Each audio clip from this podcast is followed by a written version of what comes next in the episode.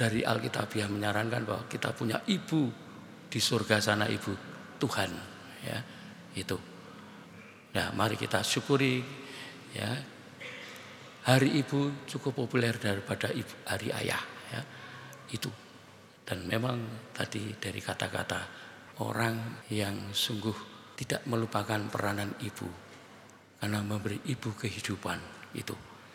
Nah, baiklah itu sebagai pintu masuk untuk merenungkan bacaan-bacaan hari ini di mana beberapa tokoh ikut serta dalam karya keselamatan.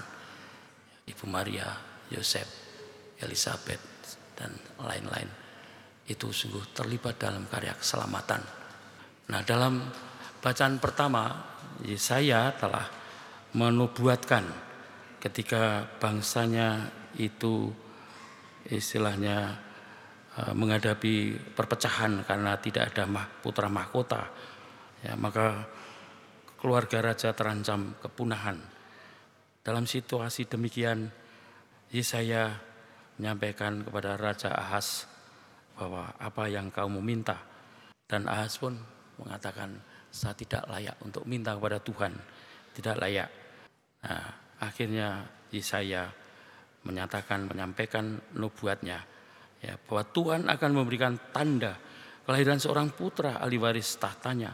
Raja diminta untuk percaya. Ya. Demikianlah peristiwa-peristiwa duniawi sejarah disembunyi, tersembunyi rencana ilahi. Ya, dan dalam perjanjian baru melihat ada nubuat raja di mana damai sejati Yesus yang akan lahir. Ya, dan juga dalam Injil Pengerang Injil Santo Matius mengacu pada ramalan Yesaya. Ya, nubuat Yesaya tidak sekedar isapan jempol atau wacana, tapi benar-benar terlaksana apa yang dinubuatkan. Tadi dalam Injil dikatakan bahwa Maria akan melahirkan anak laki-laki dan engkau akan namai dia Yesus karena dia akan menyelamatkan umatnya dari dosa mereka Hal itu terjadi supaya genaplah firman Tuhan yang disampaikan oleh Nabi. Sesungguhnya anak darah akan mengandung dan melahirkan seorang anak laki-laki dan mereka akan menamai dia Immanuel yang berarti Allah menyertai kita. Dan sudah bangun dari tidurnya, Yusuf berbuat seperti yang diperintahkan malaikat Tuhan. Itu kepadanya ia mengambil Maria sebagai istrinya. Tidak usah disebut apakah terus ke ulama ya.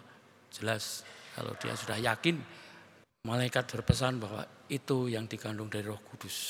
Jangan takut ya. Maka dia memutuskan sebagai istrinya. Tentu saja ada dua sakti dan di hadapan pejabat agama ulama. Itu sudah tradisi di sana. Begitu ya